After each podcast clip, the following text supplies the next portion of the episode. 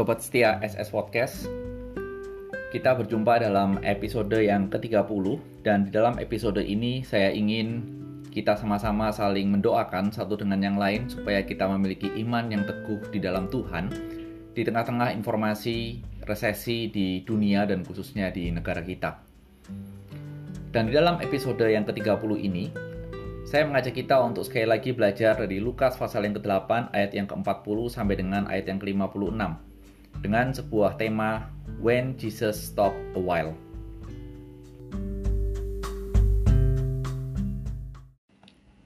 Ketika Yesus kembali, orang banyak menyambut dia sebab mereka semua menanti-nantikan dia.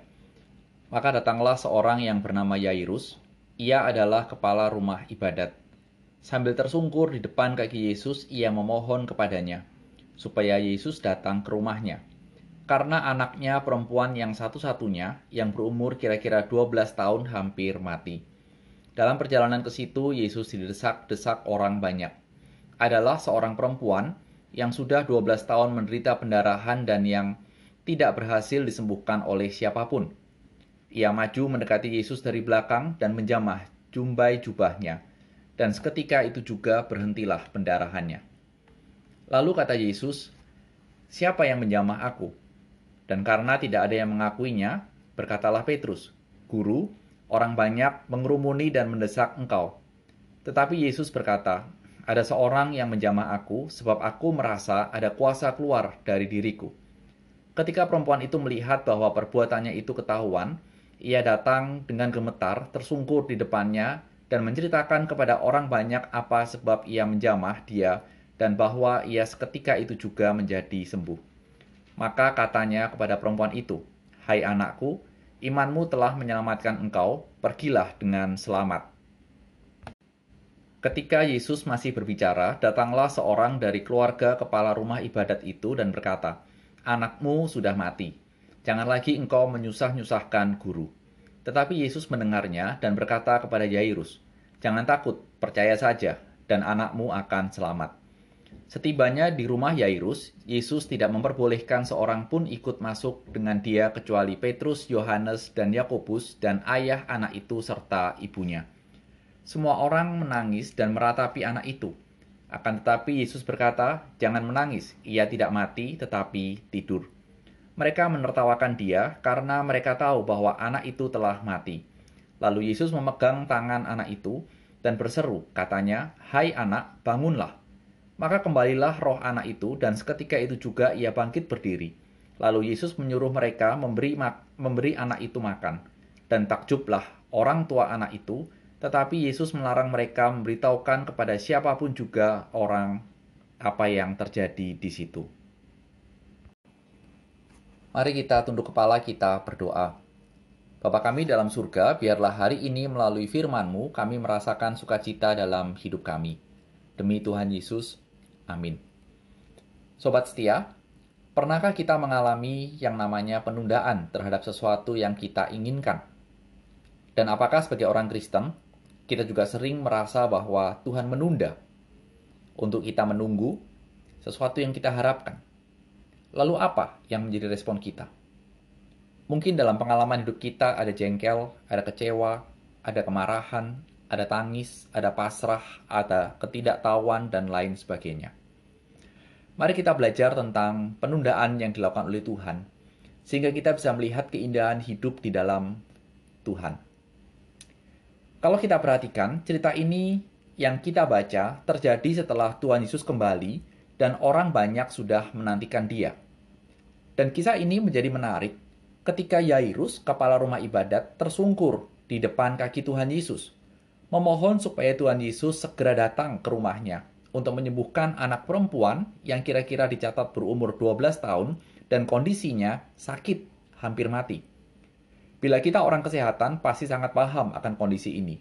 Kondisi kritis, dan kritis artinya kejar-kejaran oleh waktu, tidak boleh terlambat sedetik pun. Dan Tuhan Yesus mengabulkan permohonan dari Yairus. Dan dalam perjalanan ke rumah Yairus, ini adalah misi Tuhan Yesus, orang berdesak-desakan ikut. Artinya speed perjalanannya tidak bisa cepat atau pelan. Dan menjadi sebuah pertanyaan, kalau kita menjadi Yairus, yang tahu ini kritis panik tidak. Tapi justru di tengah-tengah perjalanan, ternyata ada seorang perempuan yang sudah sakit selama 12 tahun, sakit pendarahan, dan tidak ada tabib yang bisa menyembuhkan. Dan satu-satunya harapan dari perempuan itu adalah sekarang Tuhan Yesus. Entah bagaimana caranya, perempuan itu berhasil menyentuh jubah dari Tuhan Yesus. Dan ketika berhasil, seketika itu juga sakitnya menjadi sembuh. Sebenarnya peristiwa ini, kalau kita lihat, bisa diabaikan oleh Tuhan Yesus. Karena dia sedang dalam perjalanan menuju rumah Yairus, dan Sikonnya anaknya kritis. Tetapi justru Tuhan Yesus berhenti dan mencari tahu siapa yang menjamah jubahnya. Tetapi begitu banyak orang berdesak-desakan dan mencari satu orang yang menjamah.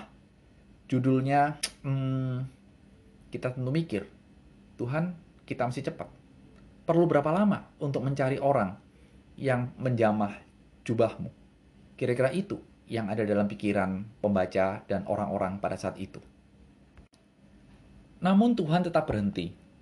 Dan ketika perilaku atau tindakan dari perempuan itu ketahuan, perempuan itu tersungkur dan menceritakan cerita kenapa dia menyentuh jubah Tuhan Yesus kepada banyak orang. Tidak tahu berapa lama Tuhan Yesus itu berhenti, tapi yang pasti itu menunda perjalanan Tuhan Yesus ke rumah Yairus. Dan terakhir Tuhan mengucapkan kalimat yang singkat tapi sangat penting kepada perempuan itu. Hai anakku, imanmu telah menyelamatkan engkau. Pergilah dengan selamat. Seakan-akan Tuhan mengkonfirmasi bahwa dengan menyentuh dia sembuh. Dan ketika Tuhan sedang berbicara, seseorang keluarga dari kepala rumah ibadat itu datang dan memberikan sebuah informasi yang kira-kira bahasanya seperti ini. Telat, anakmu sudah mati. Udah nggak usah repot-repot lagi menyusahkan Tuhan Yesus, menyusahkan guru. Seakan-akan semua sudah berakhir. Dan Tuhan Yesus datang pun percuma. Kalau kita mencari tahu apa sebabnya, waktunya kritis dan Tuhan Yesus berhenti kalau kita sering kali mencari penyebabnya dan mencari siapa yang salah, kita tentu akan menyalahkan. Salah siapa ini? Akan ada banyak hal yang bisa disalahkan. Tetapi berita itu mendapat respon yang sangat cepat dari Tuhan Yesus. Tidak usah takut, percaya saja, semua akan beres. Dan kemudian Tuhan Yesus melanjutkan perjalanannya ke rumah Yairus.